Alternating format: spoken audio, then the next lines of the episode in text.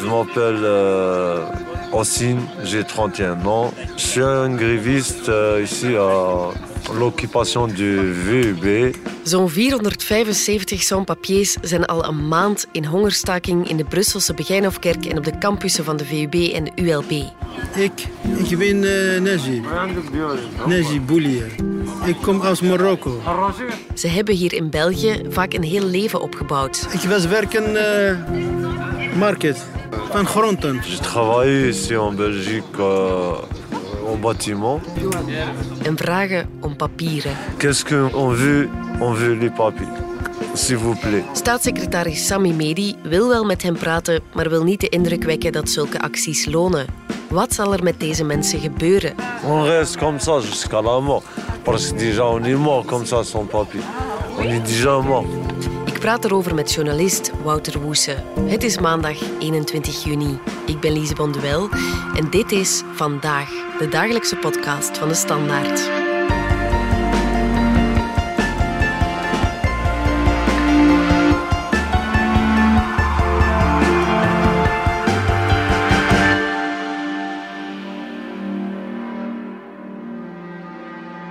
Vandaag is het dag 30 van de hongerstaking.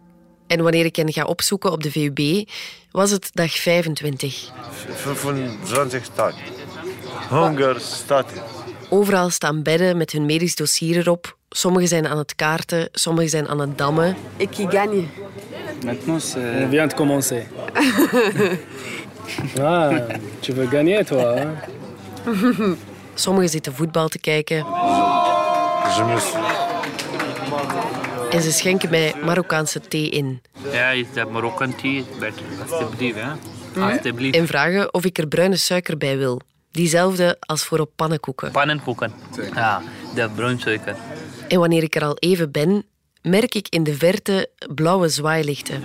Il y a de l'ambulance. Je vois le tricla bleu. Le feu? Ouais, le feu bleu. De ambulance, blijkbaar. Die komt hier soms tot vijf keer per dag langs. Vele van de hongerstakers zijn al wel eens opgenomen in het ziekenhuis. Il intervenir chaque fois.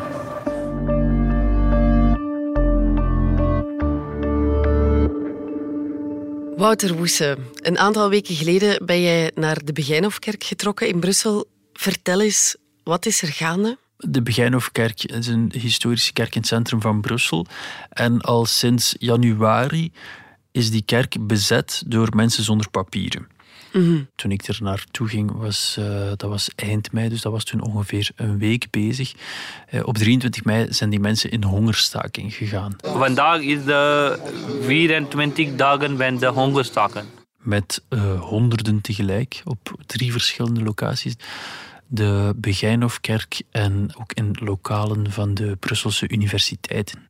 En hoe was de toestand toen? De mensen lagen vooral op matrassen, dus die waren al heel vermoeid en die probeerden krachten te sparen.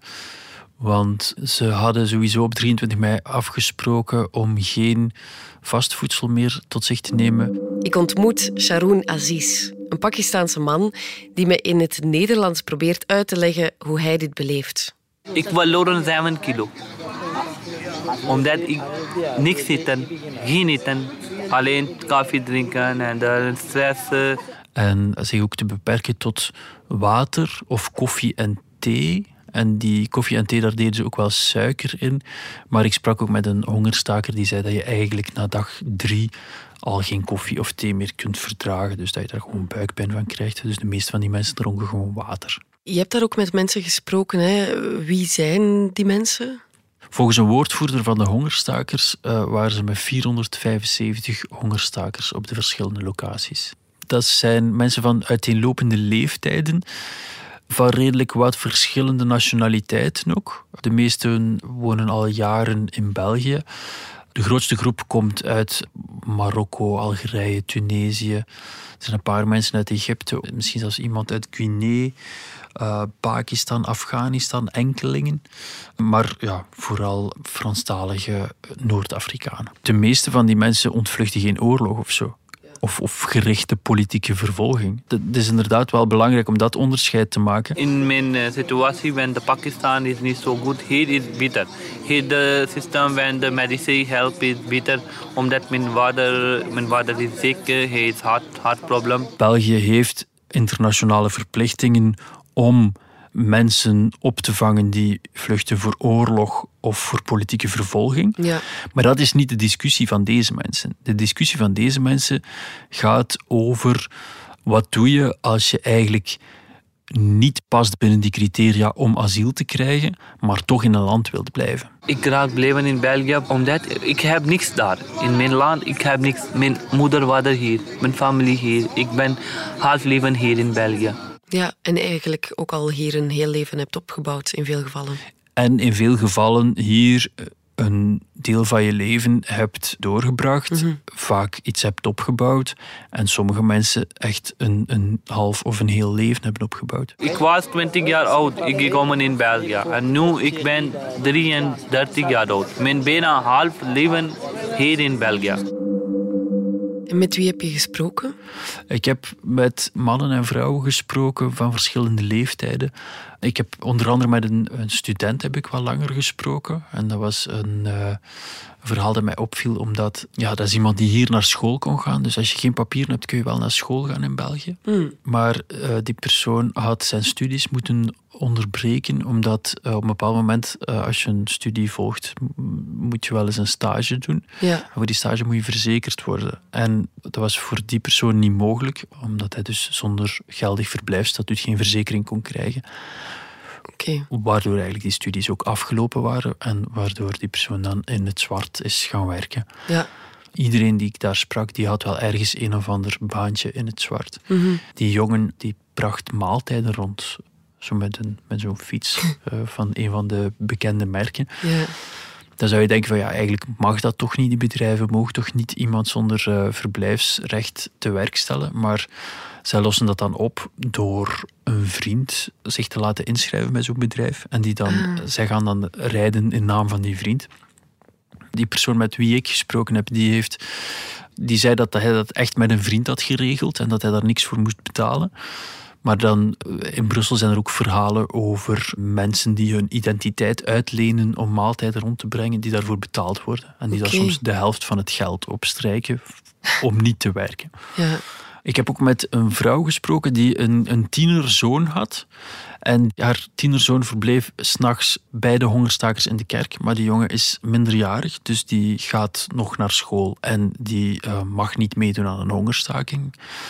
Uh, dat mocht ook niet van zijn moeder, uiteraard. Ja. Dat was uh, wel een heel pijnlijk verhaal, want die, die jongen die studeert op dit moment nog, maar die moeder weet ook wel dat vroeg of laat, uh, als zij geen verblijfsstatuut krijgt en hij ook niet, dat hij ook zijn stage niet zal kunnen doen en dus ook in de illegaliteit zal verdwijnen. Ja. Zij was afkomstig uit Marokko en zij vertelde dat zij een brevet had als sportmonitor, onder andere. Maar dat zij dat beroep hier niet kon uitoefenen. Zij werkte in een bakkerij en zij begon dus 's ochtends vroeg met het bakken van, van het brood. En dan toen haar shift als bakker voorbij was, dan uh, maakte ze ook nog de bakkerij schoon. Ze deed dus twee shifts na elkaar. Mhm. En uh, ze heeft er geen bedrag op geplakt, maar ze zei dat dat voor, een, uh, voor nog niet de helft van een normaal loon was. Dat zij eigenlijk twee jobs na elkaar deed. Mhm. En dat toont ook al meteen de kwetsbaarheid van iemand die zonder papieren hier in het land probeert een inkomen te vergaren. Officieel werk is onmogelijk, Ja. dus uh, ben je heel kwetsbaar voor uitbuiting. Een van de stakers, Hussein Derham, werkte in een voedingswinkel. Alors, je m'appelle euh, Hussein Dirham. Alors, je suis un travailleur euh, sans papier. Je travaille dans un magasin alimentaire depuis quand j'ai arrivé ici. Hij bevestigt dat zo'n papiers een miserabel loon krijgen. On gagne euh, des salaires de misère, quoi. Van soms 3 euro per uur. Volgens hem is dit een nieuw model van slavernij. Mhm. Alors, ça dépend, 3 euros l'heure. Aujourd'hui, d'être sans papier, c'est un nouveau modèle d'esclavage. Nu, waarom zijn al die mensen in hongerstaking gegaan? Omdat zij eigenlijk vooral willen dat er iets gebeurt aan hun verblijfsstatuut.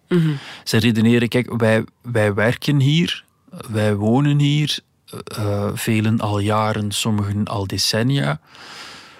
Wij zouden hier belastingen kunnen betalen als we normaal werk zouden kunnen doen. Als ze geven me papieren, ik werk in uh, wit, wit, normaal.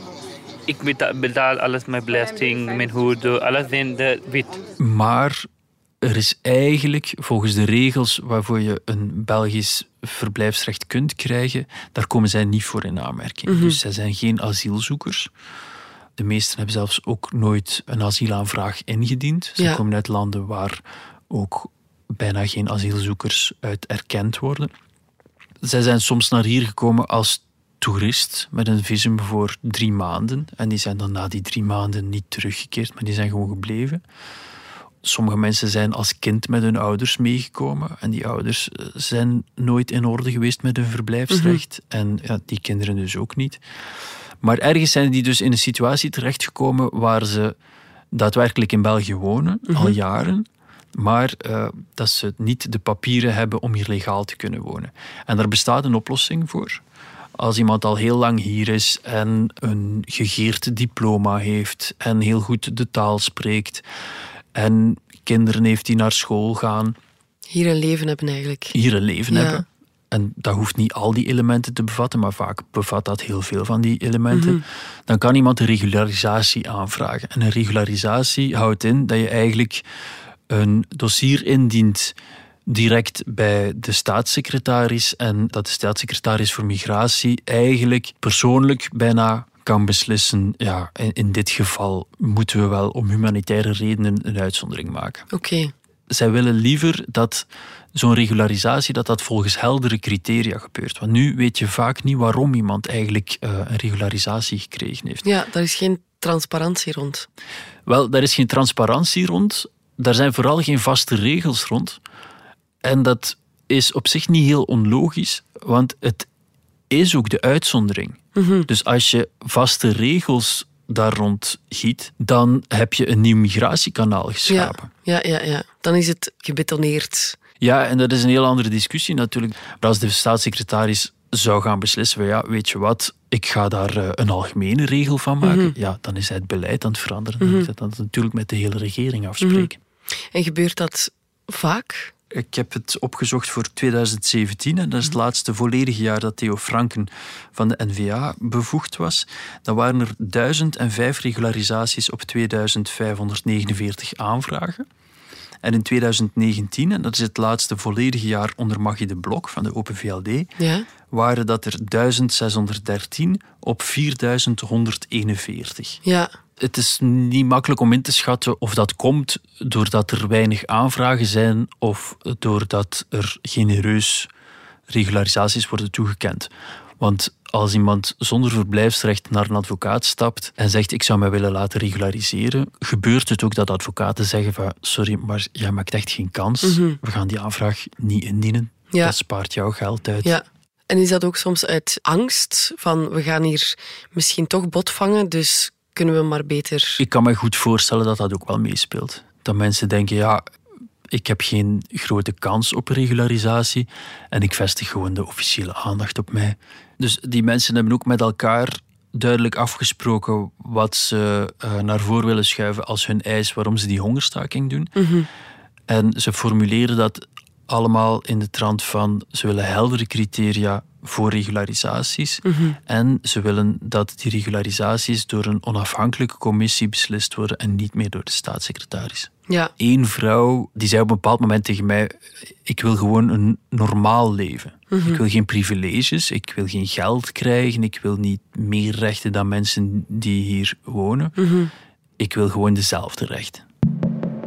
Osin, een van de hongerstakers, vertelt mij: zonder papieren ben je geen mens. Si t'as pas le papier, tu es pas un, être humain. Zelfs een hond heeft een beter leven dan ik. Par exemple, un chat, c'est un animal normal, mais il vit mieux que moi. Hebben zij al contact gehad met de staatssecretaris Sami Medi? Er is een delegatie op het kabinet van de staatssecretaris gekomen. De staatssecretaris heeft zich ook altijd wel bereid getoond om met die actievoerders te spreken. Sommigen zeggen ook, we zouden graag hebben dat de staatssecretaris nog eens langskomt. Uh, dat, Ja. hij, dat hij tenminste toont dat het hem kan schelen. Donc on demande à l'État, c'est là, M. Sami m'a dit avec tout mes respects, qui re- regarde à, à notre situation, comment on est. Ouais. Sami Mehdi praat voor ons. Ik heb gezien de video. En die praat in Frans. Dat is een heel moeilijke situ- situatie voor de mensen hier. En zij werken voor ons. eh, ik hoop dat uh, mensen van de binnenlandzaken verstaan.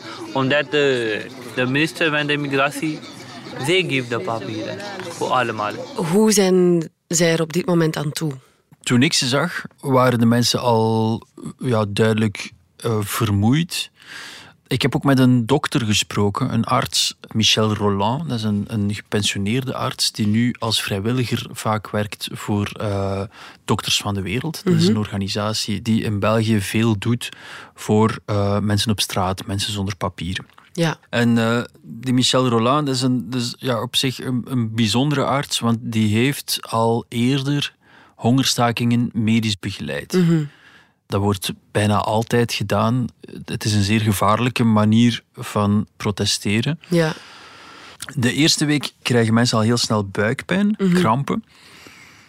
De weken daarna worden mensen wat zwakker en neerslachtiger. En, en dat is duidelijk de fase waarin ik daar eh, aanwezig geweest ben. Eh, mensen waren zeker niet vrolijk. Ik ben daar een paar uur geweest en er zijn verschillende ambulances eh, aangekomen om mensen die, die instorten of die het bewustzijn dreigden te verliezen of die een verhoogde hartslag hadden of, of begonnen te hyperventileren. Dat die eh, moesten geholpen worden. Mijn eh, gezondheid is eh, zero. Ik had broekpijn, ik had een hoofdpijn. zo. En, eh, heel moeilijk. Als een hongerstaking langer dan een maand duurt, dan moet je er eigenlijk al bijna van uitgaan dat de, dat de kans groot wordt op blijvende schade.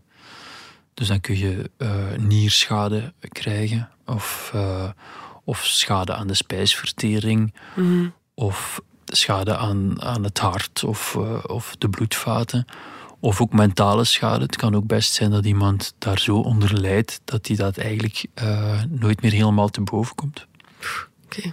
En natuurlijk, als het, als het nog langer duurt, kan iemand uiteraard ja, sterven door, door te hongerstaken. Ja.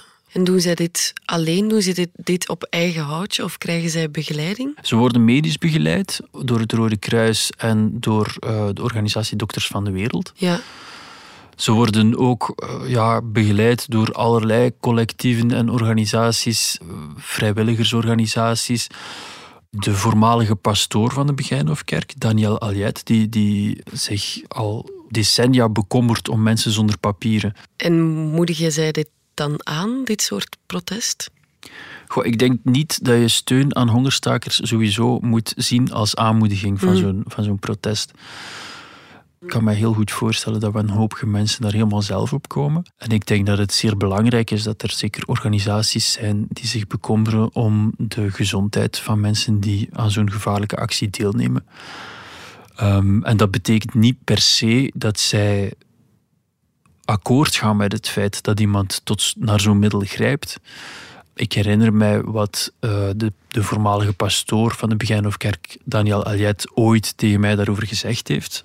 Toen ik hem een paar jaar geleden interviewde, omdat hij eigenlijk als pastoor officieel met rust ging, alhoewel ik denk dat er van rust nog niet veel eh, sprake geweest is in zijn leven, sindsdien. Hij zei dat hij tegen hongerstaken is, zoals hij ook eh, tegen zelfdoding is. Maar, zegt hij, als ik een familielid na een poging tot zelfdoding mag bijstaan, mag ik dan ook mensen zonder papieren bijstaan wanneer ze uit wanhoop in hongerstaking gaan. Ja. Ik denk dat dat het wel samenvat hoe de meeste organisaties daar tegenover staan.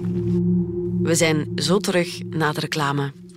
Niets is, alles wordt. Dat hadden de Grieken 2500 jaar geleden al begrepen. En dat is nog altijd zo. Vandaag wellicht meer dan ooit. Maar hoe vind je je weg in een wereld die almaar sneller verandert? Kennis is het beste kompas, weten we bij BNP Paribas Fortis. En kennis hebben we en delen we graag. Dat doen we ook in de podcast Stand van Zaken. Is er eigenlijk een reden waarom deze ja, extreme manier van protest hen hoopvol stemt dat hun eisen ingelost kunnen worden? Ik weet niet of zij heel hoopvol zijn. Er zijn mensen die al meerdere regularisatieaanvragen hebben ingediend. Zij weten natuurlijk wat er in het verleden al gebeurd is. Er zijn momenten geweest in de voorbije decennia dat dat soort acties tot resultaten hebben geleid. Mhm. In 1999 is er een soort collectieve regularisatie geweest, waar heel veel mensen die dus zonder papieren al lang in België verbleven, dat die alsnog papieren hebben gekregen, eh, geldige verblijfsdocumenten hebben gekregen. In 2009 is er iets geweest wat daarop lijkt, maar dat door sommigen eigenlijk al geen collectieve regularisatie meer genoemd wordt. Maar waar toch ook wel ja, mensen de kans gekregen hebben om een eh, geldig verblijfsstatuut te krijgen. Ja. Er is nog een actie geweest in 2014, 2015 van Afghaanse mensen die als asielzoeker afgewezen waren. En zij hebben op een bepaald moment de vraag gekregen om hun dossier opnieuw in te dienen. Mhm. Dus daar is ook ergens het gevoel dat daar toch iets genereuzer met hun situatie is omgegaan. Alleen vaak wat een, een specifieke actie oplevert, zeker een hongerstaking, dat zal nooit triomfantelijk met een persconferentie door de staatssecretaris of de hongerstakers aangekondigd worden, omdat ja, als er een deal gesloten wordt, bestaat altijd het risico dat dat andere mensen ook op ideeën brengt. Mhm. Ja, dat dat een voorbeeld Dat, wordt. ja, dus je kunt je wel voorstellen dat als er dan toch iets beloofd wordt, dat er tegelijk gevraagd wordt om daar heel discreet over te zijn. Mhm, mhm. Ik weet ook dat er onder mensen zonder papieren bij de aanloop van 2019 Ja? ging het gerucht rond dat er opnieuw een grote regularisatie zou komen. Oké. Maar als je kijkt naar het politieke klimaat rond regularisaties, kon je eigenlijk dan al raden dat het niet zou gebeuren in Mhm. 2019. En het is ook niet gebeurd in 2019. En ook nu is de kans eigenlijk niet heel groot dat dit iets zal opleveren. Als je zegt dat politiek zo moeilijk ligt, waarom doen zij dat dan? Ja, ehm, ik heb met mensen gesproken die zeiden: kijk, deze regering eh, is een linksere coalitie dan de vorige federale regering. Dus hopen we dat die ook genereuzer zal zijn ten opzichte van mensen zonder papieren die geregulariseerd willen worden. Maar is dat dan naïef?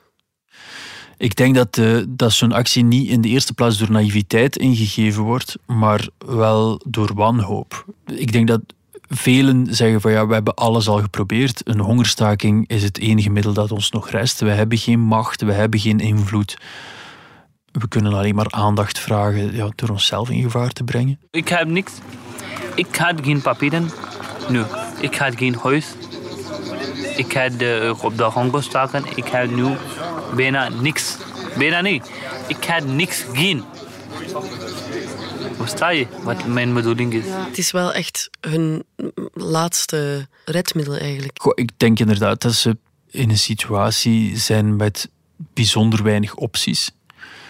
Ik denk dat het voor hen heel moeilijk is om een leven verder te zetten in de omstandigheden waarin ze zich bevinden in België. En ja, de mensen die ik gesproken heb, zagen ook geen oplossing in terugkeren naar het land waar ze ooit vandaan zijn gekomen. Mhm, mhm. Om allerlei verschillende redenen. Ja, je zou het natuurlijk ook kunnen zien als een vorm van chantage. Hè? Van als ik geen betere situatie krijg, dan breng ik mezelf in gevaar.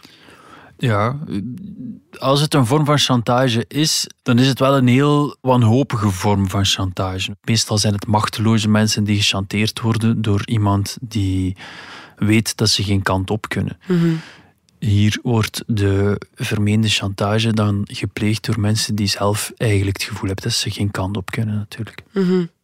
Ja, je zei net dat de staatssecretaris zo bereid is om met hen te praten. Maar waarom is hij dan tijdens deze hongerstaking nog niet langsgekomen? Waarom is hij dat nog niet gaan doen?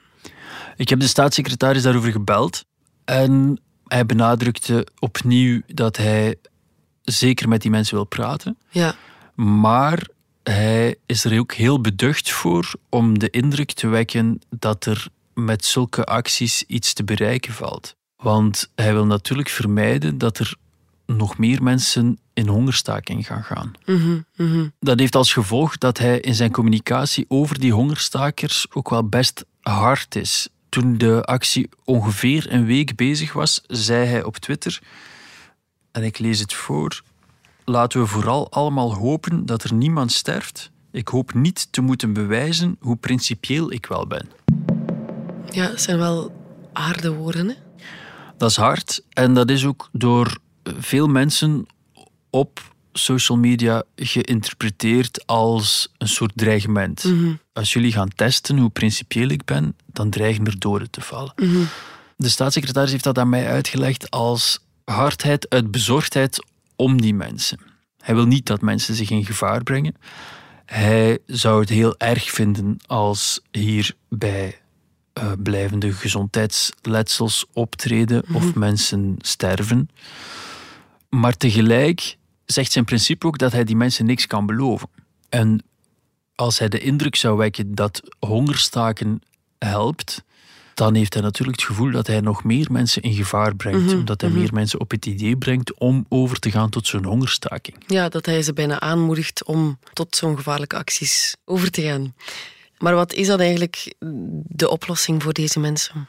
Ja, dat is een heel moeilijke kwestie natuurlijk. Want ehm, er zijn schattingen van hoeveel mensen eh, zonder geldige verblijfsdocumenten er in Brussel verblijven. Mhm. En sommige van die schattingen gaan tot 200.000. In principe heeft in België iedereen dezelfde rechten. Mhm. Dus iedereen heeft het recht om niet uitgebuit te worden door een werkgever. Maar iemand met een geldig verblijfsstatuut staat natuurlijk veel steviger in zijn schoenen. Ja, Terwijl mensen zonder papieren, ja, die zijn per definitie overgeleverd aan werkgevers die het niet nauw nemen met de regels. En die ook vaak zonder veel risico mensen kunnen uitbuiten, soms mishandelen, eh, soms in gevaarlijke omstandigheden aan het werk zetten. Because mensen zijn uh, profiteren, profiteren, uh, profiteer voor mij. Omdat, kijk, na, als de mensen heeft papieren, they give him goed geld. Als je geen papieren, they give me niet zo goed geld. En als je zoekt een huis, is het moeilijk. Ja, die mensen zijn... Je komt die tegen, hè. Eh, die mensen nemen de metro, die nemen de trein, die nemen de bus, die hebben een abonnement. Die zijn als de dood om dat abonnement te vergeten. ja. Dat hebben me- verschillende mensen zonder papieren al tegen mij gezegd. Van ja, ik ben doodsbang om op de metro te bedenken dat ik mijn abonnement niet bij me heb. Want bij een metrocontrole kan er altijd politie bijgeroepen worden. En dan zijn ze bang, ja, als die politie dan zegt, ja, maar u hebt geen geldig verblijfsstatuut, Ja. dat je dan plots verdwijnt in een cel in Steenokkerzeel en teruggestuurd wordt naar een land waar je soms al, al jaren niet meer bent geweest.